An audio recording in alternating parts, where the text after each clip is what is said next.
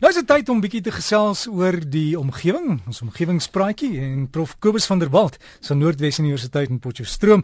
Môre Kobus, het jy 'n krag volgend? Môre Derek, ja, nee, hier is die ligte daarom aan.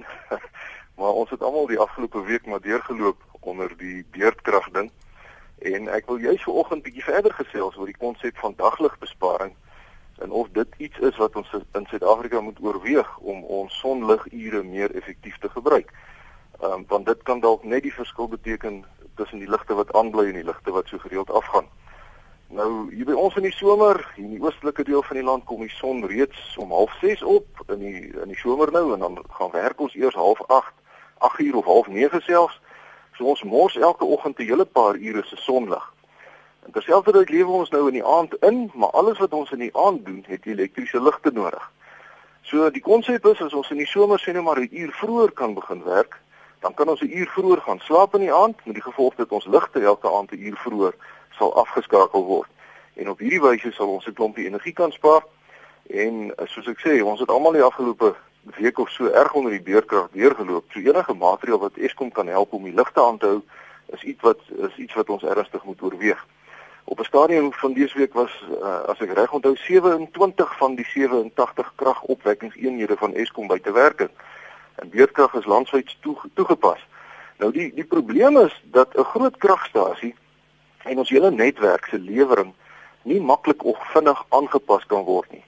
En dan moet die hele tyd genoeg krag opgewek word om in die piektyd se vraag te voorsien.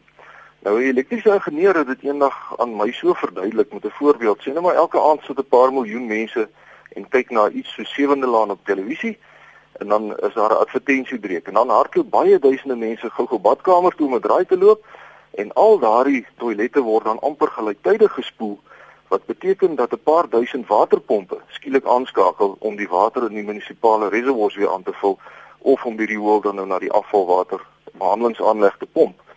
Nou omdat die hoeveelheid krag wat op die netwerk beskikbaar is nie vinnig vermeerder of verminder kan word nie, moet die kragstasies die hele tyd vir hierdie piek aanvraag voorsiening maak. En ons probleem in Suid-Afrika is dat ons nie genoeg opwekkingsvermoë het tans om in hierdie vraag te voorsien nie. Nou loop al die masjiene die hele tyd volstoom en daar is nie tyd om van die goed af te skakel om voorkomende onderhoud te doen nie. En dis nou soos om 'n motor aanhoudend te ry, so vinnig as wat hy kan loop sonder om hom ooit te diens. Die een of ander tyd gaan die ding breek.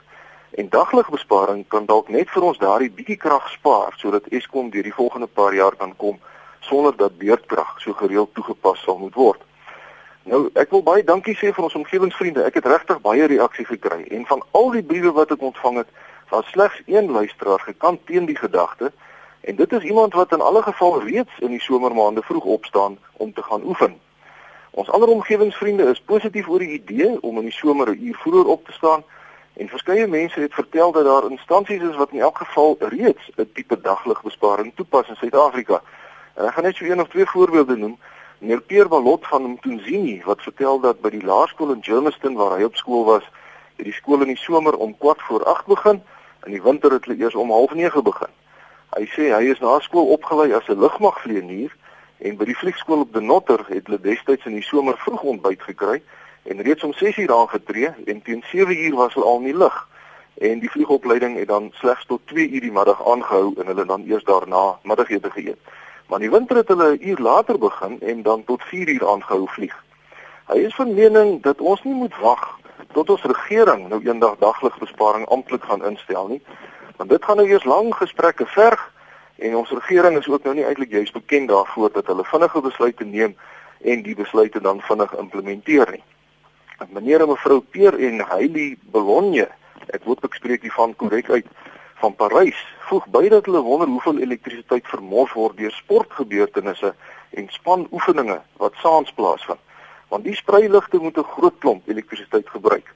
So as ons die sport dan smiddag daarna werk kan inpas in die somer terwyl die son nog skyn, dan kan dit ook baie help met ons elektrisiteitsprobleem. En Kobus, ek kan net vir jou daarop sê ek het uh, op my Facebook het ek 'n foto gaan sit van uh, mense wat krag steel in een van die townships Lolly net so aan die suidekant van Johannesburg. Ja. En dis verbasend hoe hierdie klomp kabels daar ingaan en dit dra by tot die probleem en is dis dis wyd, né? Nee? Absoluut en dis natuurlik lewensgevaarlik Derek. Ons praat nou nie eens daaroor nie want dit is uh, dit, dit lyk soos kraaineste party van daai goed. Maar ja, uh, meneer Benny Avenant van Frankfurt sê hy wonder of ons in ons uitgestrekte land dit sal regkry om horlosies almal in die somer 1 uur aan te stel. Want die Kaapenaars gaan dan in die donker moet opstaan terwyl die son by Durban dan nou al skyn. Nou die dit bring die hele konsep van tydsones nou hier in die gedrang. En professor Raymond Parsons, die bekende ekonom hier in Suid-Afrika, het my vroeër van dese week uitgenooi om met hom oor die moontlike voordele van die toepassing van dagligbesparing in Suid-Afrika op die ekonomie nou te gesels. En die gesprek is op video vasgelê en uh, op YouTube beskikbaar. So as van ons vriende na die video wil kyk, dan kan u of op YouTube gewoon soek na na, na die ding met trefwoorde, maar die skakel is ook op die webwerf www.groenenergie.co.za geplaas. Ek sê weer, dis www.groenenergie, een woord, groenenergie.co.za. So u kan gerus gaan kyk as u belangstel hierin. Maar in alle geval, in die gesprek het ons ook gepraat oor die moontlikheid van tydsones en ek het gesê dat ek nie dink Suid-Afrika is groot genoeg dat ons in tydsones verdeel hoef te word nie. Um Amerika en Rusland is byvoorbeeld uh, in tydsones, dis 'n heeltemal 'n ander storie daar. In Amerika is daar 4 tydsones naamlik die Eastern, die Central, die Mountain en die Pacific tydsones. En dit het tot gevolg dat dit aan die ooskus, as dit aan die ooskus van Amerika 9:00 die oggend is, dan is dit 6:00 die oggend aan die weskus. In Rusland is dit nog erger. Daardie land het 11 tydsones. In die ooste verskil 10 ure van die weste. Maar hierdie tydsones is nodig omdat lande soos Amerika en Rusland se oos-wes afmetings baie groot is. Amerika is byvoorbeeld omtrent 8000 km wyd van oos na wes. So dis onmoontlik om slegs een standaard tyd daar te hê. En in vergelyking daarmee is Suid-Afrika slegs maar 1600 km wyd van oos na wes. En ons gebruik die 30 grade lengtelyn as ons standaard tydlyn. Dit beteken dat die horlosietyd in Pietermaritzburg uh eintlik die regte sontyd is. Johannesburg en Pretoria is nou effens wes van die tydlyn op 28 grade oos en Durban weer effens oos op 31 grade. In die Kaap lê omtrent op 18 grade oos wat beteken dat die son in die somer in Durban omtrent 40 minute vroeër opkom as in Kaapstad. En dit is nie beduidend as mens nou uh slegs op 'n geografiese manier daarna kyk nie en daarom sê ek op die video dat ek van mening is dat ons in Suid-Afrika nie tydsones hoef te hê nie. Maar ek het dit nou gesê vanuit 'n geografiese perspektief en nadat die gesprek opgeneem is, het ek weer mooi daaroor gedink en 'n bietjie gelees daaroor en nog inligting gekry. En as ons nou terugkom by die piek aanvraag van elektrisiteit, Derek, As ons daardie piek aanvraag wil versag, dan maak dit sin om ons land miskien in twee tydsones te verdeel. Met ander woorde, die 25 grade lengtelyn is omtrent in die middel van ons land. So as ons 'n deel oos van die lyn kan kry en 'n deel wes van die lyn, en die oostelike deel kan dan 'n uur vroeër begin met hulle daaglikse aktiwiteite as wat die weste nou begin, en dit sal beteken dat ons hele land nie op dieselfde tyd 'n piek aanvraag na elektrisiteit sal hê nie. En dit kan dalk net daai bietjie besparing wees wat Eskom in staat sal stel om die ligte aan te hou. So die keuse wat ons hier het is die sekerheid van dagligbesparing. Ons weet ons staan elke oggend 'n sekere tyd op. Uh en dan as dit nou uh, reg sal wees so as as die navorsing wys dit is 'n goeie idee ook dalk twee tydsones.